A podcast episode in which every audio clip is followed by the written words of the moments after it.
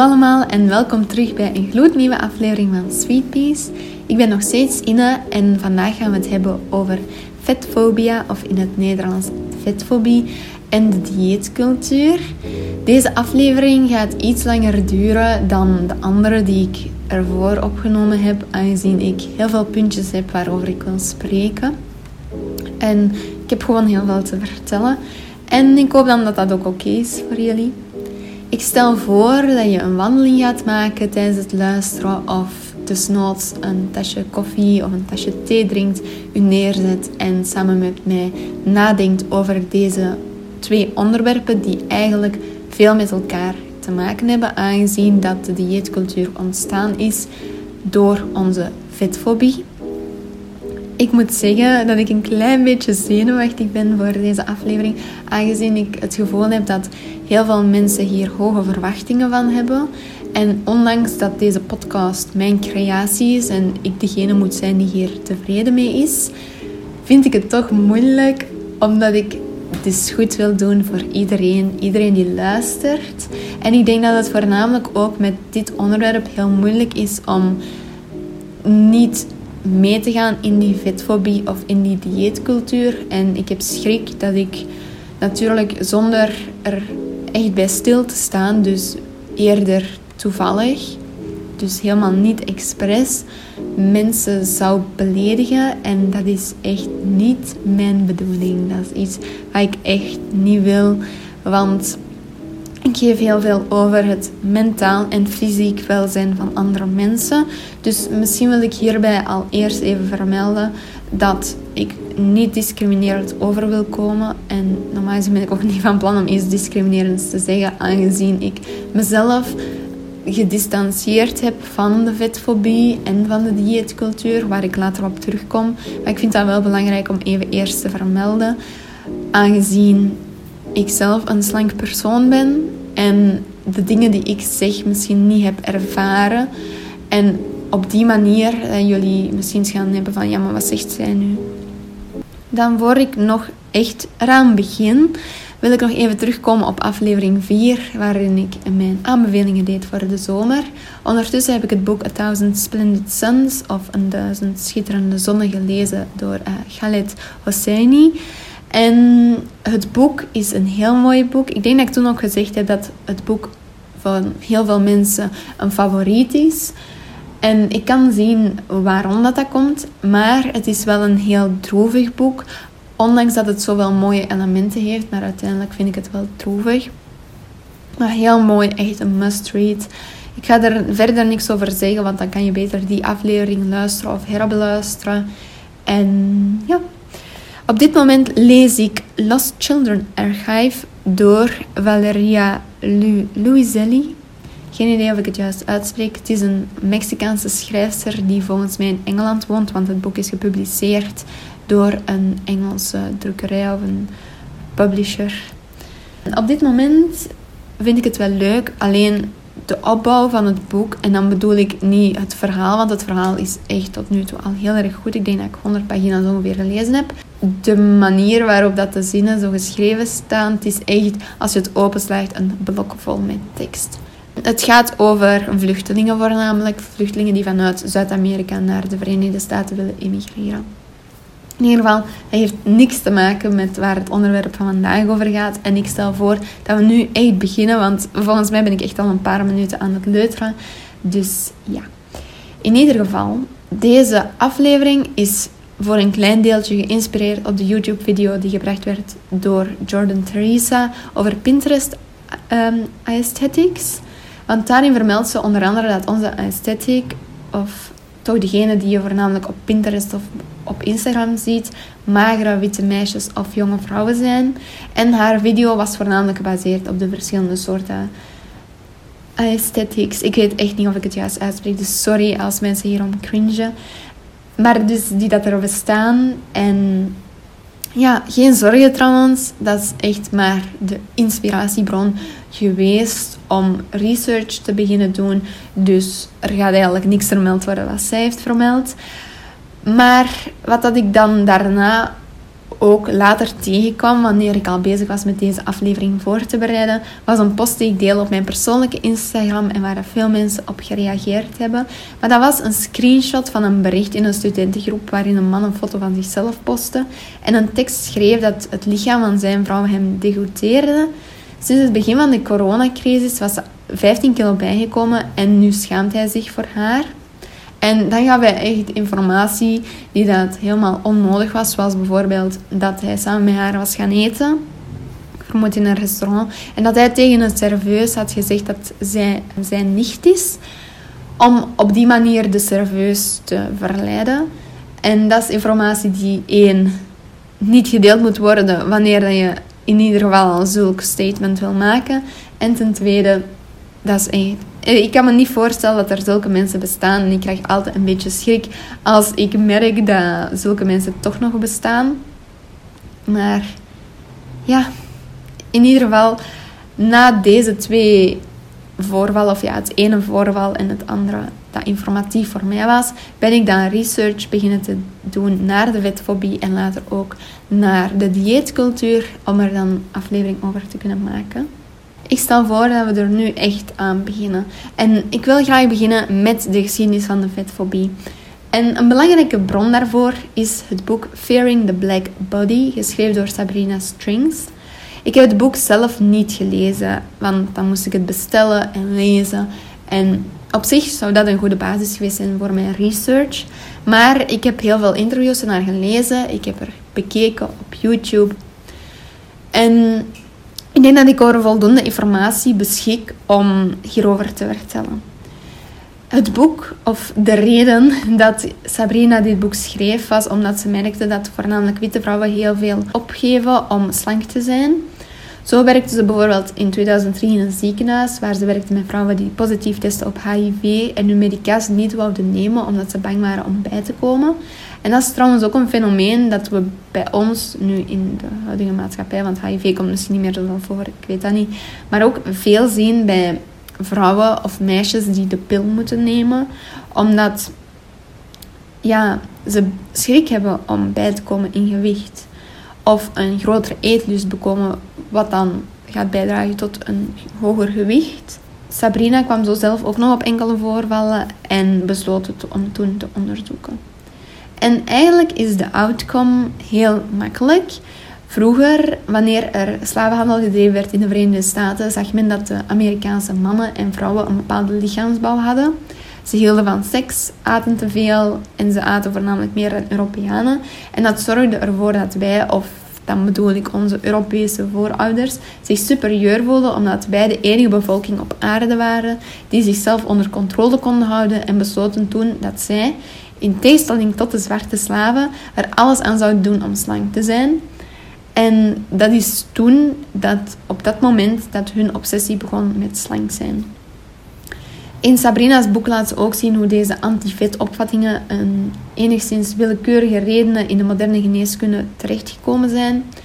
Neem nu bijvoorbeeld BMI, wat een afkorting is voor Body Mass Index. En die vergelijking was eigenlijk niet bedoeld om individuele vetheid te meten. Maar natuurlijk deden artsen dat wel en dat doen ze vandaag de dag nog steeds. En BMI is trouwens een meetinstrument dat uitgevonden is door een Belg. Voor zij die niet weten wat BMI juist inhoudt, dat is een maatstaf voor de verhouding tussen iemands gewicht en lengte. BMI houdt geen rekening met botdichtheid, gespierdheid, andere genetische invloeden op je gewicht of culturele omgevingsinvloeden in je gewicht.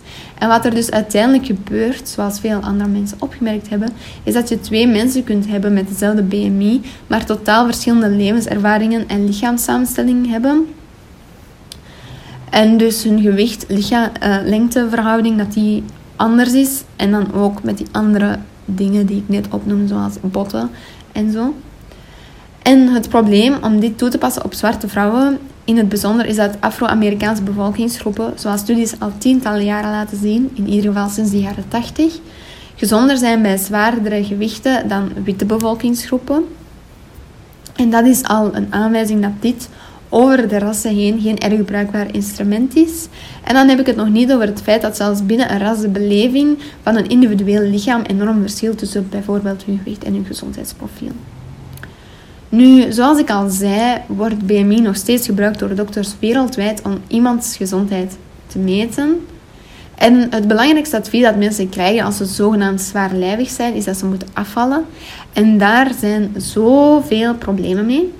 We vertellen mensen al tientallen jaren dat ze moeten afvallen. En wat er uiteindelijk gebeurt, is dat zij oftewel niet afvallen, ofwel soms wel afvallen en dan vaker weer aankomen. Dat is het yo-yo-effect dat wij al jaren kennen eigenlijk.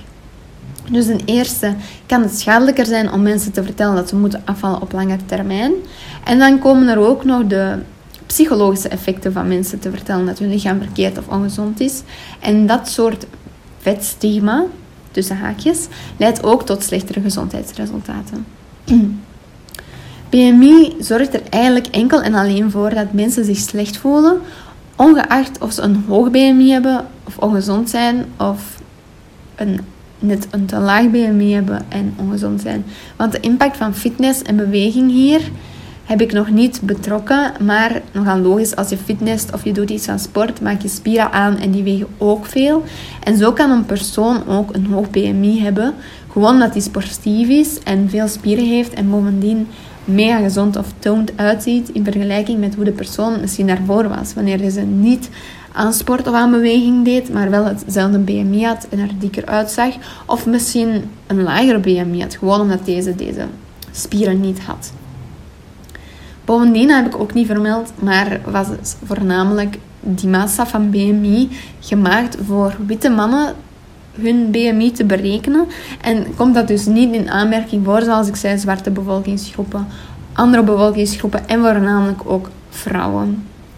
En ik ben een vrouw, dus ja.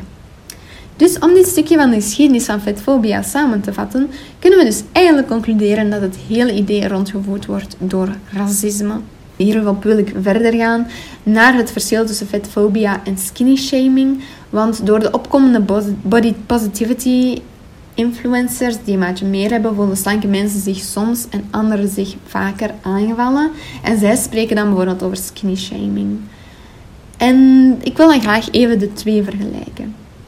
Dus skinny shaming gebeurt letterlijk nog maar een paar jaren. En ik ga niet zeggen dat de dingen die gezegd worden erger of minder erg zijn. Want dat is voor iedereen anders. De beleving van zulke dingen die gezegd worden over iemand die slank is en daar commentaar op krijgt. Die zijn, iedereen beleeft anders. Sommigen hebben een thick skin, anderen hebben een thin skin. Dus maar wanneer dat je gefetshamed wordt, hangen er veel meer dingen vanaf. Mensen worden afgewezen wanneer ze solliciteren. Hun liefdesleven hangt er vanaf. En ja, deze vetfobie is letterlijk overal. Ook op datingapps als Tinder, waar mensen 100 personen per minuut kunnen links of rechts swipen. Ik heb geen idee eigenlijk hoe dat deze app werkt. Maar ik heb heel veel vrienden die dat erop zitten. En ik denk dat je wel weet wat ik bedoel. Want ik kom in één minuut geen honderd mensen tegen op straat. En op een dating app als Tinder gaat dat dan wel. Dus om misschien nog even terug te komen op dat skinny shaming.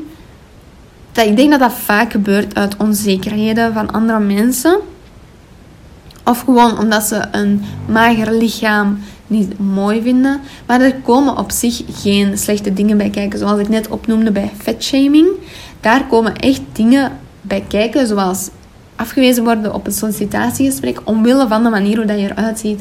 En wanneer dat je slank bent, of gewoon normaal, dan komt dat niet voor.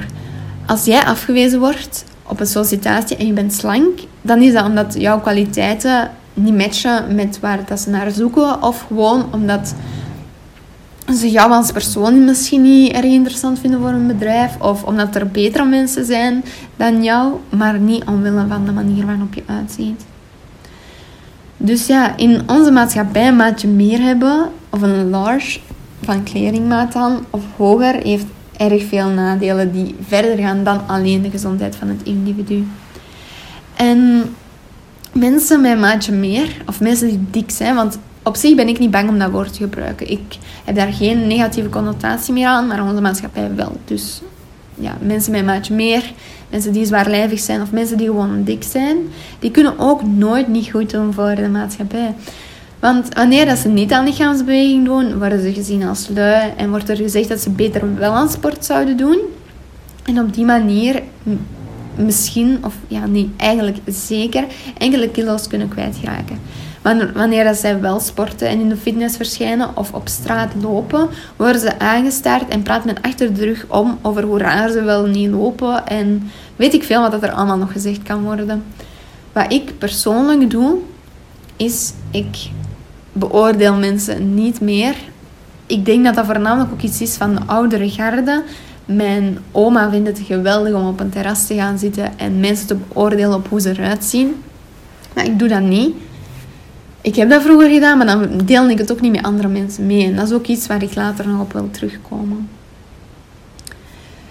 Jammer dat ik het onderzoek niet meer weet, dus ik kan niet de bron linken of ik kan ook niet zeggen wie het onderzoek voerde. Maar er is in het verleden onderzoek gedaan naar mensen bewust te maken van dat ze dik zijn. En ik denk dat het als volgt was. Er waren twee groepen dikke mensen die opgezet kwamen. En ik denk dat het zo gezegd een sollicitatie was, maar die mensen wisten natuurlijk niet dat het niet echt was. En bij de ene groep werd er een opmerking gemaakt over hun gewicht en bij de andere groep niet. En na een tijd werden ze voor een half uur of zo in een kamer gelaten waar een doos stond met snoep, met koeken. Dus met, wat dat de dieetcultuur zegt, ongezonde voeding. En de groep waarbij men geen opmerking over het gewicht maakte, raakte het snoepgoed niet aan of nam één snoepje of één koek, wat dat mensen die niet dik zijn ook doen. Maar bij de mensen waarbij men wel een opmerking gemaakt had, die stortten zich weliswaar op de doos en aten veel meer dan andere mensen die niets aten. Dus met andere woorden, mensen attent maken van hoe zij eruit zien, helpt niemand vooruit. Niet voor gezonde mensen en ook niet voor ongezonde mensen. Want dus eigenlijk dat vetshaming dat je dan doet bij die persoon, gaat alleen maar ervoor zorgen dat zij zich slecht voelen en daar nog steeds meer van eten. En zo herinner ik mij bijvoorbeeld dat wanneer ik heel wat ettelijke kilo's minder woog dan dat ik nu doe, mensen vaak zeiden van, amai, je bent dun, of hoe kan je zo'n figuur hebben, of ik wou dat ik ook zo'n figuur had als jou, al die dingen. En op die manier had ik het gevoel dat ik mezelf moest bewijzen ten opzichte van anderen die die opmerkingen maakten. En bovendien wil vermageren echt niet zeggen dat mensen gezond zijn, want men weet nooit niet wat erachter zit. In mijn geval was dat een slechte relatie met mezelf, met mijn mentaal welzijn, dat zich uitte op mijn voedingsinname. Want ik zat helemaal in de knoop. Maar men kan ook een andere ziekte hebben, zoals kanker of de ziekte van Crohn of eender welke andere ziekte. En het is dan heel jammer het juist die mensen zijn die complimenten krijgen wanneer dat ze gewicht verliezen. Ik ga even drinken voordat ik verder ga naar de dieetcultuur. Want ik denk dat je je wel kan inbeelden dat als ik zoveel praat, ik een droge keel krijg en dorst heb dus eigenlijk. Dus nu gaan we verder met de dieetcultuur. Om te beginnen, zoals ik bij vele andere afleveringen ook deed, start ik graag met een definitie van wat is een dieetcultuur precies. Nu, dieetcultuur verwijst naar een reeks overtuigingen die dun zijn, uiterlijk en vorm belangrijker vindt dan gezondheid en welzijn. Bovendien hecht het concept belang aan het beperken van calorieën, normaliseert het negatieve zelfpraat en bestempelt het bepaalde voedingsmiddelen als goed of als slecht. En personen die worden blootgesteld aan boodschappen uit de dieetcultuur zijn bijna verplicht om te geloven dat zij niet alleen slankheid en diëten gelijk staan met gezondheid, maar dat het nastreven van hun gezondheid de ene persoon moreel superieur maakt dan de andere. Dus dat is een heel lange definitie van dieetcultuur. En ik denk dat daar zoveel in zit wat dat iedereen wel herkent. En erkent ook. Ook het idee van dik praten of fat talk is wijd verspreid geraakt in een samenleving. Dik praten verwijst naar negatieve opmerkingen over iemands gewicht en voedselkeuzes. Enkele voorbeelden van die fat talk of van dat dik praten zijn mijn dijen zijn echt enorm. Mijn buik is super dik. Die milkshake bevat veel te veel calorieën. Ik of jij zou dat niet moeten eten. Eet eens wat meer groente. Um, ik of jij ziet er dik uit in deze jurk. Ik moet gaan hardlopen na het kerstdiner. Mijn nieuwjaarsresolutie is om x kilo af te vallen. Ik, jij was of ben zo slecht Want ik heb een hamburger gegeten en frietjes. En dat gaat niet samen, die combinatie. De dieetcultuur en dat vet talk of dik praten zijn in de moderne samenleving zo genormaliseerd dat een verstoord eetgedrag onopgemerkt kan voorkomen. Veel voorkomende waarschuwingssignalen van eetstoornissen, zoals het overslaan van maaltijden, het beperken van calorieën, overmatig sporten en het elimineren van bepaalde voedselgroepen, zouden net verontrustend gedrag moeten zijn. Maar door die dieetcultuur worden deze als normaal beschouwd. Ze worden echt genormaliseerd. En de grote aanwezigheid van de dieetcultuur en de fat talk kan dus bijdragen tot schadelijk gedrag dat onopgemerkt blijft. En dat kan uitmonden tot een eetstoornis. Ik had het daar ook kort na mijn post op mijn verhaal over met een van mijn vriendinnen. En zij zei ook van ja, sociale media heeft, speelt daar ook wel echt een grote rol in. En dat is ook zo.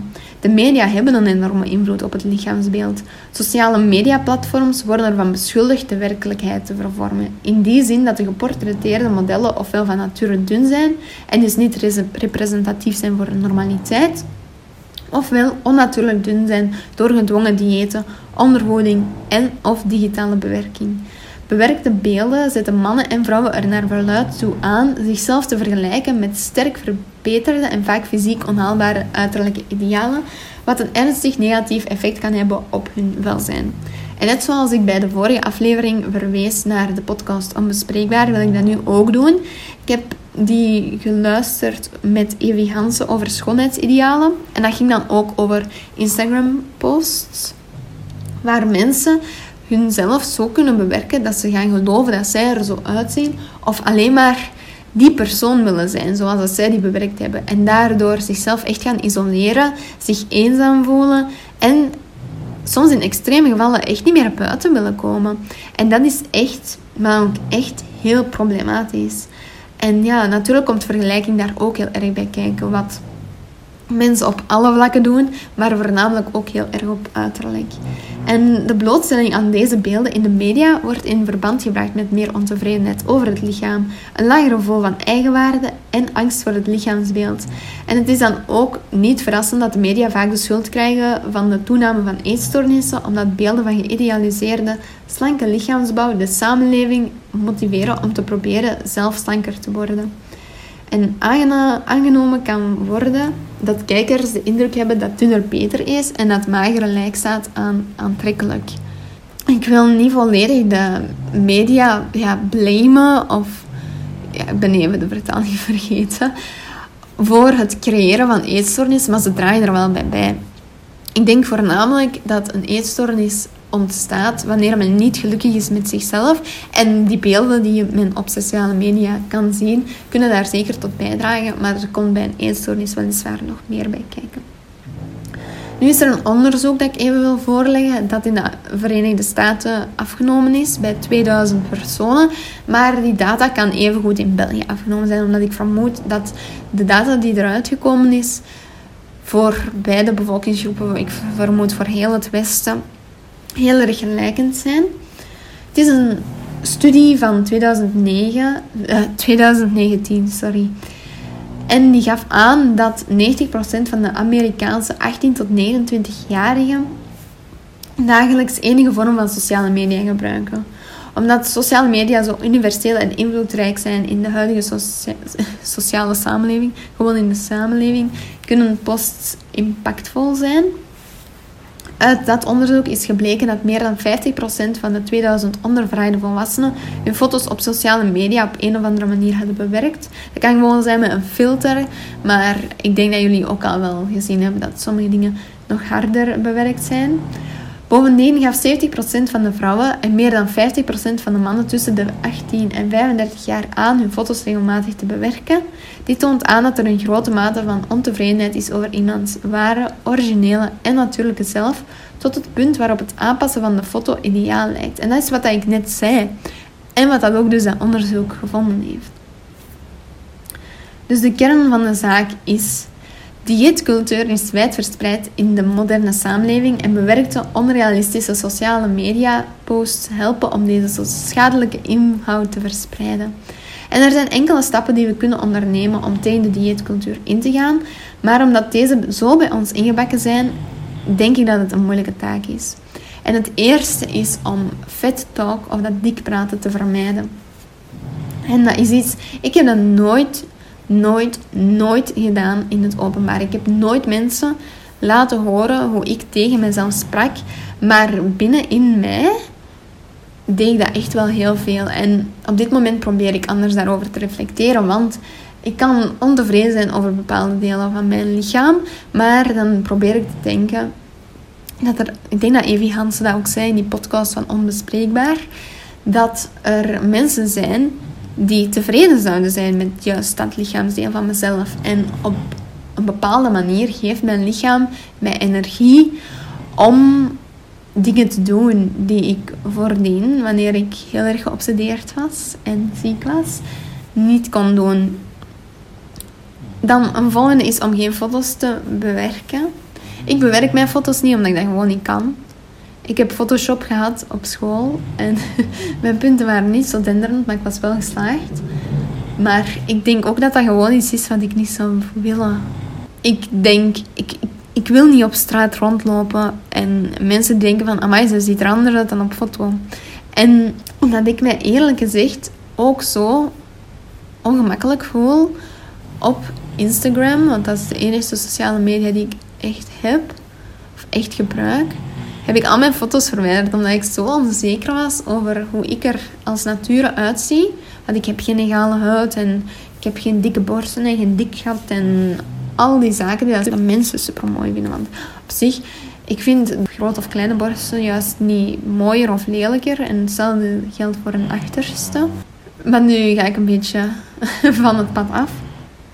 Erken dat slankheid niet gelijk staat aan gezondheid. Ik denk dat dat heel belangrijk is. Mijn bloedwaarden waren dit jaar het beste dat ze ooit geweest zijn. En ik ben nog steeds slank en ik denk... Ik wil... Ja... Nee, ik ga het gewoon niet zeggen.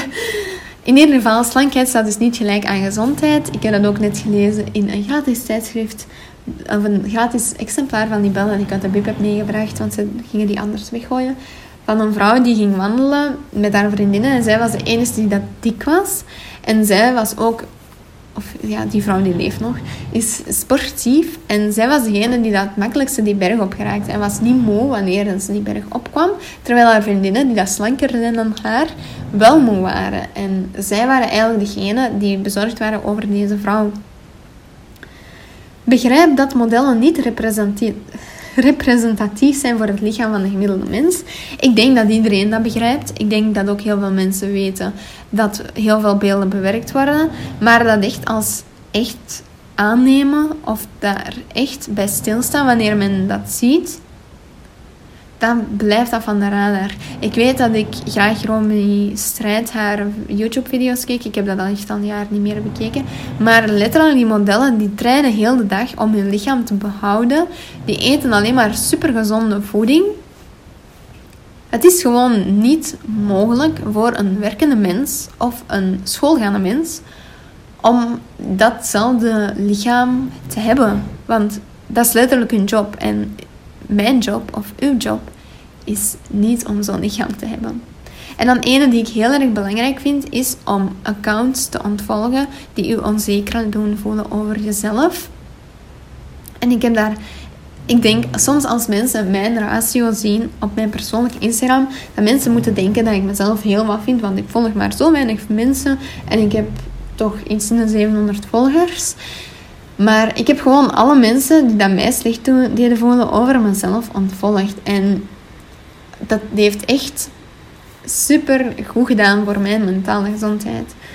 Mijn laptop steekt trouwens in de prijs en is aan het opwarmen. Dus ik hoop dat jullie dat niet te hard horen. Als dat wel het geval is, mijn excuses daarvoor.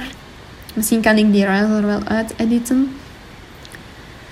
Vooraleer dat ik verder ga met de hard pills to swallow, die te maken hebben met de dieetcultuur, wil ik misschien eerst even over mijn relatie tot vetfobie en de dieetcultuur hebben. In principe zou ik deze aflevering gemakkelijk kunnen maken door te praten over hoe onze vetfobie ontstaan is, wat ik gedaan heb. Een kijkje nemen naar wat de dieetcultuur is, wat ik gedaan heb. En hoe deze ons dagdagelijks leven beïnvloedt, wat ik ook gedaan heb. Maar mijn doel met de podcast is echt om authentiek te zijn en andere mensen het gevoel te geven dat ze niet alleen zijn. En daarom denk ik dat ik hier een plaats kan vinden en kan maken om over mijn ervaringen hiermee te spreken. In principe mogen jullie je tussen haakjes gelukkig prijzen, want ik heb dit nooit eerder aan iemand verteld of nooit eerder het verhaal zo verteld of een chronologie vermeld. Omdat ik me enerzijds schaam en aan de andere kant weet dat mijn verleden mijn waarde als persoon niet bepaalt. Terwijl dat heel veel mensen mijn waarde wel leggen op wat ik presteer, hoe ik mijn leven leid en dergelijke. Maar ik weet diep in mezelf dat ik meer waard ben dan mijn schoolresultaten. Ook al vind ik dat moeilijke. En dan mijn verleden. Maar dus, op mijn vijftiende werd ik gediagnosticeerd met anorexia door een psychiater. En door deze diagnose te vermelden, wil ik echt niemand het gevoel laten geven dat zij voor hun problemen ook een diagnose nodig hebben. Want jullie eigen problemen zijn even waardevol met of zonder diagnose. In principe had ik ook helemaal geen diagnose nodig. Alhoewel het wel voor mij een eye-opener was om te zien dat wat ik deed toch niet in orde was. Maar ik vind het voornamelijk niet fijn om in hokjes gestoken te worden. En ik heb in mijn leven een aantal diagnoses gekregen. En ik wil mezelf niet identificeren met die diagnoses die ik gekregen heb. Maar met mijn manier van eten en denken en mijn gewicht voldeden wel aan bepaalde criteria die ervoor zorgen dat ik die diagnose verkreeg. Um, ik ga hier de, uh, de diagnose, de criteria niet opnoemen, want wat ik merk wanneer ik podcasts of YouTube-video's beluister of bekijk over mensen die het hebben over hun relatie met eten, zij vermelden altijd hoeveel zij aten op hun slechtste moment. En dat kan gaan over binge-eating, maar dat kan ook gaan over echt restricties op basis van eten. En dat is iets wat ik niet wil doen, want vaak vind ik die podcast-afleveringen heel goed, of die YouTube-video's, totdat men dat doet, want dan ga ik mezelf daarmee vergelijken. En ik heb daar net vergelijken al aangehaald, maar dat is iets wat ik niet wil. Ik wil niet dat jullie zich met mij vergelijken, niet vergelijken met wat ik eet en bij hoeveel ik eet. Dat zijn allemaal dingen, dat is dat is mijn leven, dat is voor mij persoonlijk. Of ik gezond eet of ongezond eet, mijn bloedwaarden waren goed. En dan komt er een combinatie van beide. En ik denk dat ik niet... Ik ben niet that girl, zoals ik in de eerste echte aflevering besprak. Want eigenlijk was dat de tweede. Ik eet s morgens geen avocado toast, want ik eet niet meer graag avocado. Maar nu ga ik weer off topic. Want ik was bezig met mijn verhaal. In ieder geval, wat er voor deze diagnose gebeurde, was een nasleep van heel wat gebeurtenissen in mijn leven.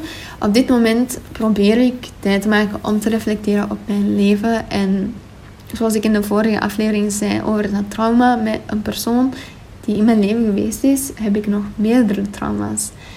En die hebben er deels tot geleid. Maar wat er ook voor leidde, of naar leiden was dat ik bijvoorbeeld opgroeide in een gezin waar heel veel vet talk passeerde. En dat is nu nog steeds dagelijks. En dat komt verder uit de slechte relatie die mijn mama heeft met voeding al jaren en dag. Um, maar ook de invloed van de dieetcultuur, waarvan als ik er nu op terugkijk, misschien ook een impact gehad heeft. En dan, de laatste race, echt super dom en naïef. Maar ik was 14, so don't judge me. Maar er was een jongen die ik wel leuk vond. En ik wou hem imponeren. Want ik dacht, oh, als ik een paar kilo minder weeg, dan ben ik wel mooier. In ieder geval, dat deed niks. En ja, ik, ik ga verder niet in op dat verhaal. Nu, dat is een stukje van mijn verhaal. Dat is niet heel mijn verhaal. Omdat één, dat zou heel veel tijd in beslag nemen. Twee, ik weet niet in hoeverre dat het echt helpend zou zijn. Of dat mensen zich ervoor zouden interesseren. Dus moest je niet toch mijn hele verhaal willen horen. En hoe ik er op dit moment mee omga. En stappen die ik genomen heb, die dan misschien voor jullie ook helpend kunnen zijn, laat het mij dan alsjeblieft weten via de podcast Instagram, die sweetpeace underscore podcast is. Want dan kan ik daar gewoon een volledige aflevering aan besteden. En dan kan ik dieper ingaan op bepaalde vragen die jullie zouden hebben of op bepaalde delen die ik hier nu kort vermeld heb. En ik denk dat dat gewoon ook een helpende aflevering zou kunnen zijn voor andere mensen. Maar omdat die zo persoonlijk is, wil ik die niet opdringen en wil ik die ook niet maken. Omdat als er niemand geïnteresseerd zou zijn of mensen zouden mij daarmee uitlachen. Allee, dat zijn persoonlijke dingen waar niet mee gelachen mogen worden. Maar om het deeltje over mijn verhaal nog eventjes af te ronden, wil ik nog zeggen dat wanneer we het over eten hebben, ik eigenlijk niet weet wat gezond is.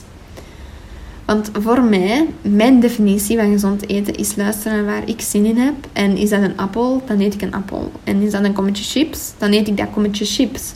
En ik denk dat die manier van kijken naar de dieetcultuur heel erg sterk is, omdat je jouw keuzes er niet door laat beïnvloeden. Want stel, je eet dat kommetje chips of je eet een vettige donut of weet ik eender welke snack die door de dieetcultuur als ongezond gezien wordt dat dat een reden is om dat te eten, dan luister je nog steeds naar die dieetcultuur. Want dan zeg je eigenlijk van... Ik laat me niet beïnvloeden, maar je eet het dan wel omdat je er tegen in wil gaan. Als je begrijpt wat ik bedoel. Dus er zijn nog een paar hard pills to swallow over de dieetcultuur die ik wil vermelden. De eerste is, je bent moreel niet superieur door minder te eten dan een ander. En dit is iets wat ik in de eetkliniek, want dat heb ik niet vermeld, ik ben drie keer naar een eetkliniek geweest. Ik weet niet hoe het juist moet zeggen, maar de mensen die in de kliniek zaten waren trots dat ze zo weinig aten. En ik had het gevoel dat zij zich beter voelden omdat ze mager waren en hun eten onder controle hadden. En voor een groot deel had ik dat zelf ook, zeker tijdens de eerste twee opnames, omdat ik zelf ook niet veel at. Maar ik herinner mij tijdens de derde opname dat ik mij moest voorstellen aan de groep meisjes en vrouwen waarbij ik zat. En de persoon voor mij had zo weinig en ik had in vergelijking met haar zoveel dat ik mij echt diep schaamde. Terwijl dat meisje was niet moreel superieur of niet beter dan mij omwille van minder te eten. En in de echte wereld, zoals wanneer ik daar zat naar verwees, valt dit echter minder hard op. Maar het kan wel gelinkt worden aan de volgende hard to swallow. Maar eerst wil ik nog zeggen dat het echt niet normaal is om minder te willen eten dan een ander. En het is ook normaal om meer te eten dan een ander. Luisteren naar uw hongergevoel. Ondanks dat er ook mensen zijn die geen hongergevoel meer hebben. Dan is dit niet voor jou bestemd dan moet je dat eerst fixen vooraleer naar dit te luisteren. Naar meer eten dan een ander maakt u echt geen onmens, maakt u geen monster. Dat laat u gewoon uw lichaam voeden om leuke activiteiten te doen en gelukkig te zijn. En daarbij komend is ook dat een man niet meer hoort te eten dan een vrouw. In principe zijn er onderzoeken wel die uit uh, of aantonen dat mannen meer verbranden wanneer dat zij ja, gewoon een dag doorbrengen dan vrouwen. Maar een vrouw mag even goed evenveel eten. En men zegt vaak dat een vrouw 2000 calorieën per dag moet eten. Maar dat is eigenlijk wanneer dat zij niet in beweging is. Want allee, er zijn vrouwen die dat kilometers op een dag gaan fietsen of die dat lopen. En dan is het ook heel normaal dat deze vrouwen maar ook, het geldt ook voor mannen trouwens. Ik heb het hier nu over vrouwen, maar het gaat ook over mannen. Zij meer eten. Dat is echt de normaalste zaak van de wereld. En de dieetcultuur heeft dat laten uitschijnen, alsof dat iets abnormaal is. De tweede is, ik heb nog niets gegeten vandaag, is geen prestatie. De hoeveelheid mensen die dit al tegen mij zeiden, en dat gaat van mensen die ik amper ken, tot mensen die ik heel goed ken. En op dit moment ben ik in een mentale staat waar ik kan, dit kan accepteren en het niet op mezelf projecteer. Maar deze ene zin heeft zoveel negativiteit in zich en beïnvloedde vroeger mijn leven, dus ook de levens van andere mensen. Maar, sorry. Want ik ben een persoon die morgens ontbijt en bijvoorbeeld niet aan intermittent fasting doet. Of niet tussen haakjes vergeten eten. En er zijn mensen in mijn omgeving, in het, op het internet, die dat heel erg geobsedeerd zijn door dat intermittent fasting, of die dat daar echt in geloven en good for you, you do you. Als dat jou helpt, als dat u goed doet voelen, van mij echt, doe zo verder. Maar ik ben echt een persoon die een ontbijt moet hebben, want anders ben ik hongerig en dan ben ik niet zo goed gezind. En het is ook gewoon niet zo goed voor mijn verleden. um, in ieder geval, dus voor andere mensen is dat ook geen goede boodschap. Want als jij zegt tegen iemand anders: Ik heb vandaag nog niet gegeten. En het is al laat in de dag. Zend je het signaal uit dat dat oké is. Of dat dat normaal is. Maar dat is het dus niet. Hè? Want wat de dieetcultuur jou ook vertelt. Er is geen limiet aan calorieën die jij mag consumeren. En dat is wat ik net zei. Een vrouw hoeft geen 2000 calorieën per dag te consumeren wanneer dat ze dieet, hoeft ze ook geen 1200 calorieën per dag te consumeren. Gewoon al calorieën tellen is al een problematisch gedrag dat gesteld wordt. De dieetcultuur kent jouw lichaam niet, weet niet wat jij wil bereiken. Wil je spieren creëren, wil je afvallen? Weet ik veel. En daardoor laat deze mannen en vrouwen slecht in hun eigen lichaam wonen en het zal jullie zeker niet verbazen wanneer ik zeg dat de dieetcultuur echt heel veel geld verdient elk jaar. Ik vermoed zelfs, maar ik heb daar nu op dit moment geen data van, want daarna heb ik geen research gedaan. Ik denk dat dat een van de biggest businesses is die er bestaat. En er is een enorm grote kans dat jij zegt van ik heb vandaag nog niet gegeten tegen mensen waar dat jij van houdt of die naar jou opkijken en hoe beïnvloedt het volgen van de regels van de eetcultuur de mensen om jou heen? Vooral degenen die naar jou opkijken voor leiding en wijsheid. Hier zijn enkele voorbeelden. Wat denken je broers en zussen wanneer jij jezelf bekritiseert in de spiegel? Wat denken je kinderen wanneer je hen vertelt dat ze minder moeten snoepen? Wat denken je vrienden wanneer je van dieet naar dieet springt? Mensen die naar jou opkomen, gaan je daden observeren en volgen. Eet jij als moeder geen koolhydraten meer, kan het zijn dat een van jouw kinderen jouw advies opvolgt. Of wanneer jij zegt dat je vandaag nog niet at en het is al drie uur in de namiddag, dan kan het zijn dat die persoon de dag erna ook wacht op dat tijdstip om ook iets te eten. Laten we dus die zin van ik heb vandaag nog niet gegeten achterlaten en vertel iets anders. Bovendien is het ook echt niemands zaak om in het oog te houden hoeveel jij vandaag gegeten hebt. Wat ik daarnet zei, daarom ook dat ik niet vertel hoeveel ik op dit moment eet, hoeveel ik op vroeger at. Want elke dag verschilt ook, dus beschermen elkaar gewoon. De derde hard pill to swallow is geobsedeerd zijn met gezond eten. Of met gezond zijn is niet gezond. Wanneer ik laatst opgenomen was in de zomer van 2019, was ik enorm geobsedeerd met gezond zijn. Ik had een goede vriendin op school en samen spraken we enkel over school en over gezonde maaltijden, gezond koken en bla bla bla. En natuurlijk kan ik enkel voor mezelf spreken en niet voor haar. Maar die obsessie met gezond te zijn en willen zijn was enorm ongezond. Natuurlijk heeft gezonde voeding en sporten en zo heel veel positieve effecten. Maar wanneer je in overdrive gaat, wordt dat allemaal ongezond. En persoonlijk denk ik dat de obsessie van onze maatschappij met gezond te willen zijn ook niet langer gezond is. Campagnes op school waar mijn jongeren die letterlijk aan het groeien zijn, en dus voedsel nodig hebben om te kunnen blijven groeien en te kunnen transformeren tot een volwassene. En die de, ja, om hen aan te sporen om te kiezen voor tussendoortjes die laag zijn in calorieën, zonder dat zij ook maar juist weten wat een calorie is. En zonder te weten dat verschillende bronnen van producten verschillende calorieën bevatten. En toch gedemoniseerd worden omwille van hun eigen energiewaarde. Um, ja, oké, hier ga ik stoppen, want dat is een debat op zich. Eh, maar je weet wat ik bedoel, hè? Onze maatschappij is zo gefocust op gezond zijn dat wanneer iemand in overdrive gaat, hiervoor gepreisd wordt. Een slank persoon die geobsedeerd is door gezond te zijn, is niet gezonder dan een dik persoon die luistert naar zijn of haar lichaam. En dat is echt een heel belangrijk om te onthouden. De vierde is, beweging en fitness zijn niet gezond wanneer het je ziek of ongelukkig maakt. Deze sluit helemaal aan bij wat ik net zei. Mijn ouders hebben het misschien al gewerkt, maar voor mijn 19e verjaardag kreeg ik een Fitbit cadeau. Met de beste bedoelingen, want ik ben een slechte slaper. En daarmee kan je je slaap meten en je hartslag en al die zaken. Maar het telt je stappen en elk uur moet je een x aantal stappen gezet hebben. En als ik een gezonde relatie met beweging wil hebben, wil ik me niet laten afjagen door een digitale horloge, omdat deze denkt dat je na 50 minuten neer te zitten toch maar dat x aantal stappen moet doen. De volgende is dat je moet je niet verantwoorden voor lichaamsvet. Het is normaal en jouw lichaam is niemand anders zaak. Iedereen heeft lichaamsvet en ik denk zelfs dat vrouwen minimaal 17% vet moeten hebben om haar lichaam te kunnen laten menstrueren. Het is zo ongezond voor een vrouw om niet te menstrueren en dat is echt veel, veel, veel ongezonder dan mensen die dik zijn. En de laatste hardpill te swallow is: dikke mensen zijn geen gefaalde dunne mensen. Zo heb ik persoonlijk nog nooit niet gedacht. Ik had er ook nog nooit niet van gehoord.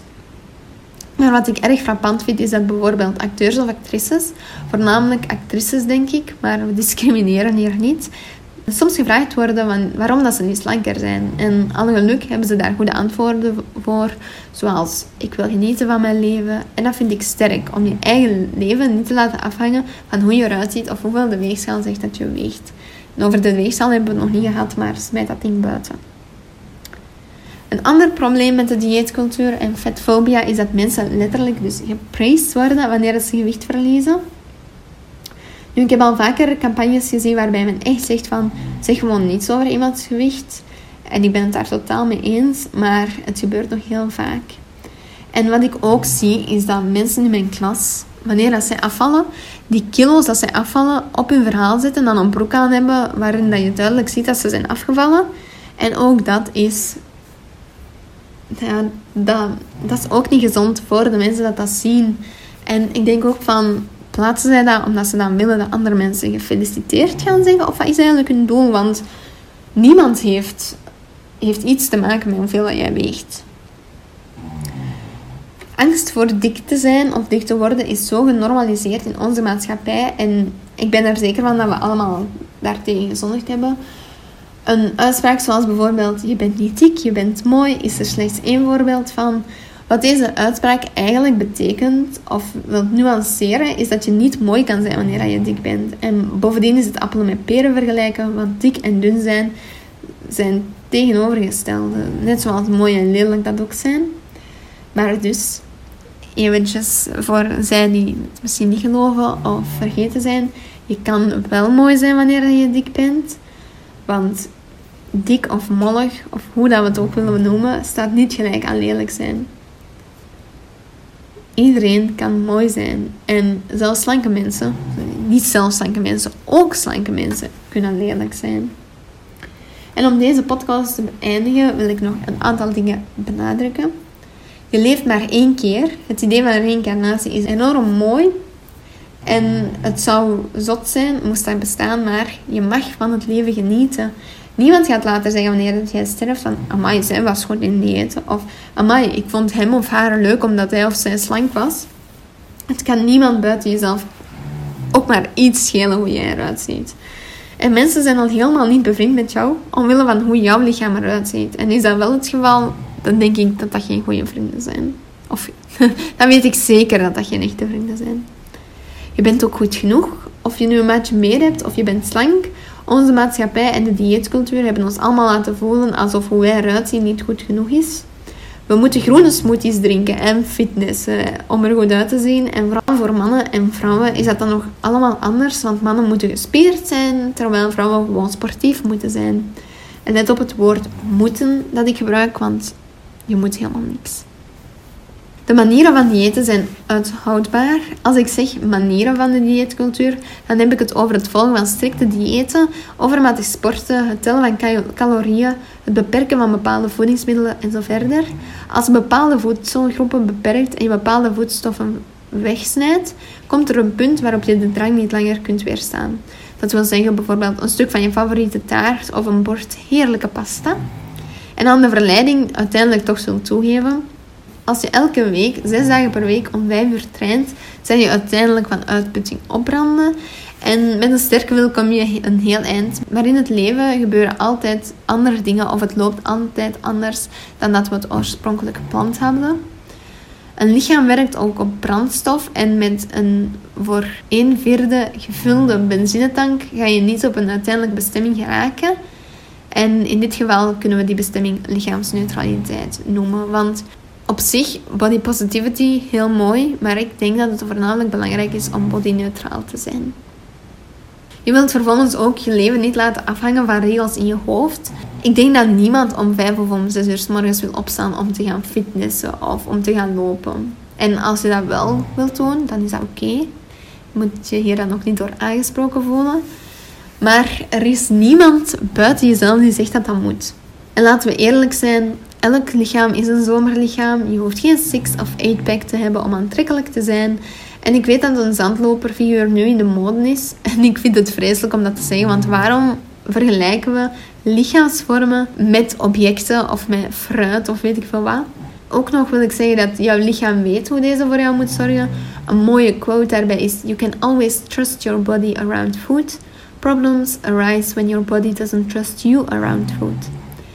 En ik denk dat deze twee zinnen heel veel zeggen. Je lichaam vertrouwen en hier naar luisteren is veel gezonder dan wat de dieetcultuur jou wijs maakt. En als je hierdoor een paar kilo bijkomt, is jouw lichaam alleen maar gelukkiger dan ervoor. Voeding is meer dan enkel voedzaam. Het biedt comfort, soms in een bepaalde vorm van een ijsje, soms in de vorm van een salade. Het is ook leuk. Samen koken is leuk, samen eten is leuk. En daardoor is voeding ook iets sociaal. Het heeft een sociaal aspect. En je mag ook jezelf vieren. Vier wat jouw lichaam doet voor jou, ongeacht wat je eet, hoeveel je beweegt of hoe dik of hoe dun dat je ook bent. Want jij bent mooi op je eigen manier en je creëert geen geluk door hoe je eruit ziet. Ik denk dat ik hierbij ga eindigen. Er waren nog een aantal dingen die ik wou benadrukken. Bedankt voor het luisteren als je heel deze aflevering geluisterd hebt. Moest je dit interessant vinden, volg dan ook de podcast Instagram. Dat is sweetpeace underscore podcast. Op die manier kan je op de hoogte blijven van onderwerpen waarover ik praat. En ja, ik hoop je bij de volgende aflevering te zien. En als je iets kwijt wilt over deze aflevering, mag je me ook altijd op die podcast of als je verkiest op mijn persoonlijke Instagram een berichtje sturen. Bedankt en tot volgende week. Thank you.